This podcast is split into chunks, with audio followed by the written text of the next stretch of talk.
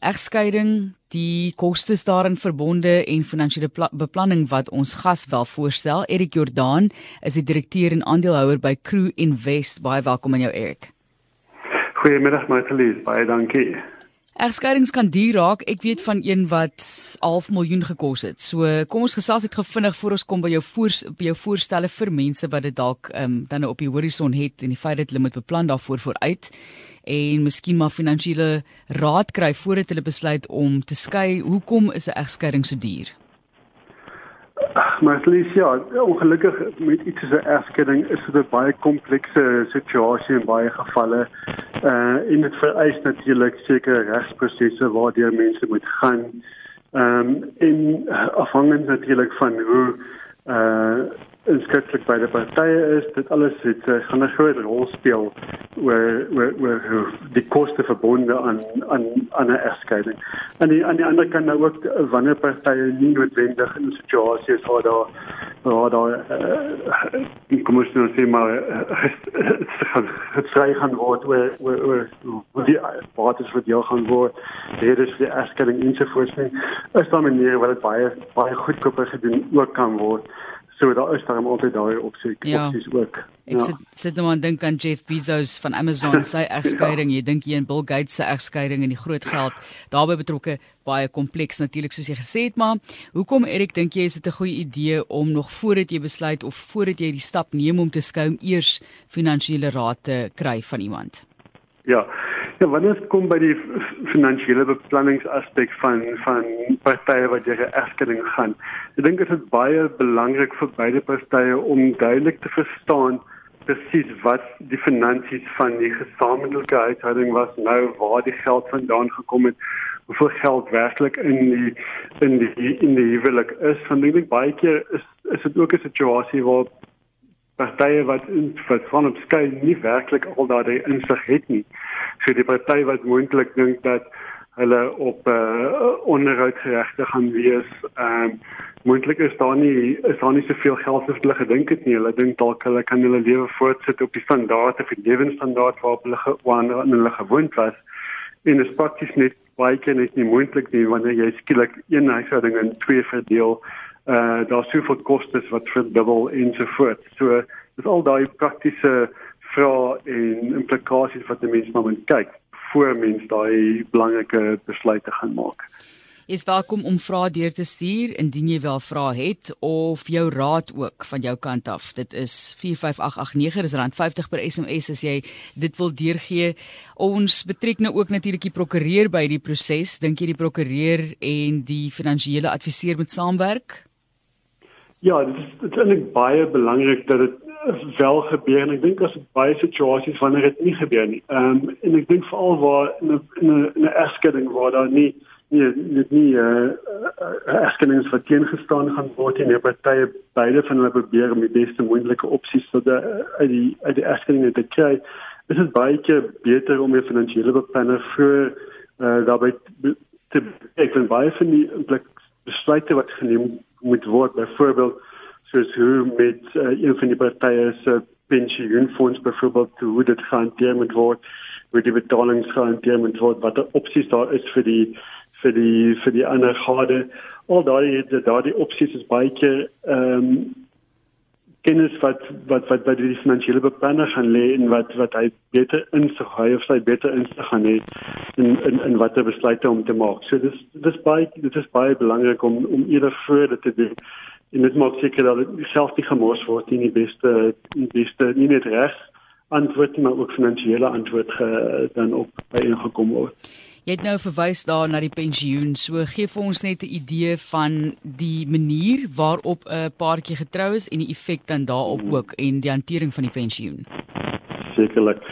So net om te begin dan voor dan by die pensioen belang soos noodwendig kom natuurlik daar's drie maniere hoe hoe, hoe partye getroud kan wees. So een is binne gemeenskap van goedere getroud wat beteken dat alle bates wat deur beide partye besit word in een gesamentlike onverdeelde boedel gaan lê. So dit beteken dat as daai party se pensioenfonds in uh by die werk is, daai pensioenfonds word in ag geneem wanneer hulle gaan kyk na wat is die gesamentlike boedel. ehm um, so so gelyk selfs wat partye dan in die ander kant of buite gemeenskappe goedere getroud is sonder met die aanwasbedeling of met die aanwasbedeling daardie wanneer mense daai aanwasbedeling ehm um, dan moet nog gaan kyk en, be en gaan bepaal wat die aanwasende party se se boedel was gedurende die huwelik moet mense dan gaan kyk na wat is ook in die pensioenfonds ek gaan 'n berekening gaan maak om te bepaal watter gedeelte van daai pensioenfonds dan toekom aan die aan die eh, aan die aan die gade wat nie lid was van daai pensioenfonds nie. Daar's natuurlik baie tegniese aspekte rond daarom dit daar rondom ook wat wat miskien nou te te veel in te wil ingaan nie, maar maar dit is 'n breed weg waarna waarna partye moet kyk. Wanneer ons praat oor pensioenfonds belang, dit is natuurlik dat daar besluit is in 'n gewone pensioenfonds wat jy byvoorbeeld by die werk kan hê, 'n voorsorgfonds wat jy by die werk kan hê, maar ook vir jy as individu uiteindelik aan die tyd het. Daai daai uiteindelik aan die tydbelegging val dan ook onder daai onder daai bedeling en daar's ook 'n pensioenbelang wat dan daarin aggeneem uh, geneem moet word. En dan ook belasting implikasies indien dit ja. toegeken word? Ja, natuurlik wanneer mense dan, dan by die egskeiding kom en daar kom 'n toekenning van 'n gedeelte van daai pensioenbelang daar sekere belastingimplikasies afhangend van hoe die party wat dan nie die lid is van daai fonds nie gaan kies om hy of sy uh aandeel in daai in daai pensioenfonds te kry. So jy kan of besluit om te sê wel betaal my die kontant gedeelte uit wat na my toe kom, sodra met dit natuurlik doen dan word daar uh dadelik belastingimplikasies daarop uh, geneem en dit word uh, in terme van die onttrekkingstabelle bereken. So dit is 'n relatiewe uh hoë belastingkoers wat dan op daai geld uh, van toepassing gaan wees of daai party wat dan die geld moet ontvang en of besluit om dan eerder dat geld oor te dra na 'n bewaringsfonds te byvoorbeeld of 'n uiteindelik in te dra en daarop sig word dan nie kan daai geld um, belastingvry dan oorgedra word in daai fonds. So is baie belangrik om 'n besluit te maak op daai punt oor hoe watter vorm daai daai uh, pensioenbelang moet neem wanneer jy dit gaan ontvang soveel komplekse aspekte as dit kom by 'n egskeiding en ons gesels met Erik Jordan, 'n direkteur en aandeelhouer by Crew Invest wat ons 'n bietjie gesels oor finansiële beplanning vir 'n egskeiding en hoe belangrik dit ook is. En jy praat dan ook van die familiehuis. Gee vir ons net insig daarso. Dis natuurlik 'n groot geveg seker oor wie dit behou en dan daarna kom jy dink dit nie behou moet word nie.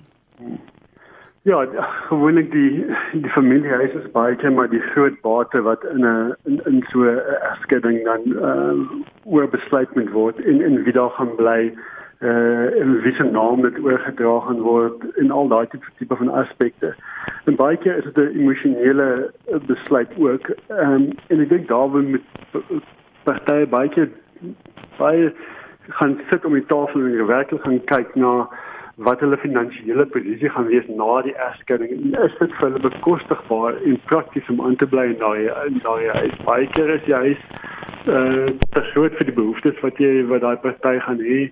Ehm um, skielik is daar al daai kostes wat van tevore gedeel was deur die partye soos byvoorbeeld die uh die instandhoudingskoste van 'n eiendom, al die ander elektrisiteit, water ensovoorts ensovoorts. Al daai kostes wat wat van tevore gedeel was deur partye val nou skielik op een party en in in baie keer uh word daai uitgawes net te veel vir vir mense. So ek dink dit is baie beter om te gaan eerder te gaan sit mooi uit te werk presies wat is uh wat is jou jou jou uitgawes, wat is wat hoe jou hoe jou ehm um, boedel gaan lyk of hoe jou bates gaan lyk na die egskeiding en kyk wat is bekostigbaar? Wat is jou inkomste uh en wat is jou werklike behoeftes in terme van verblyf en so voort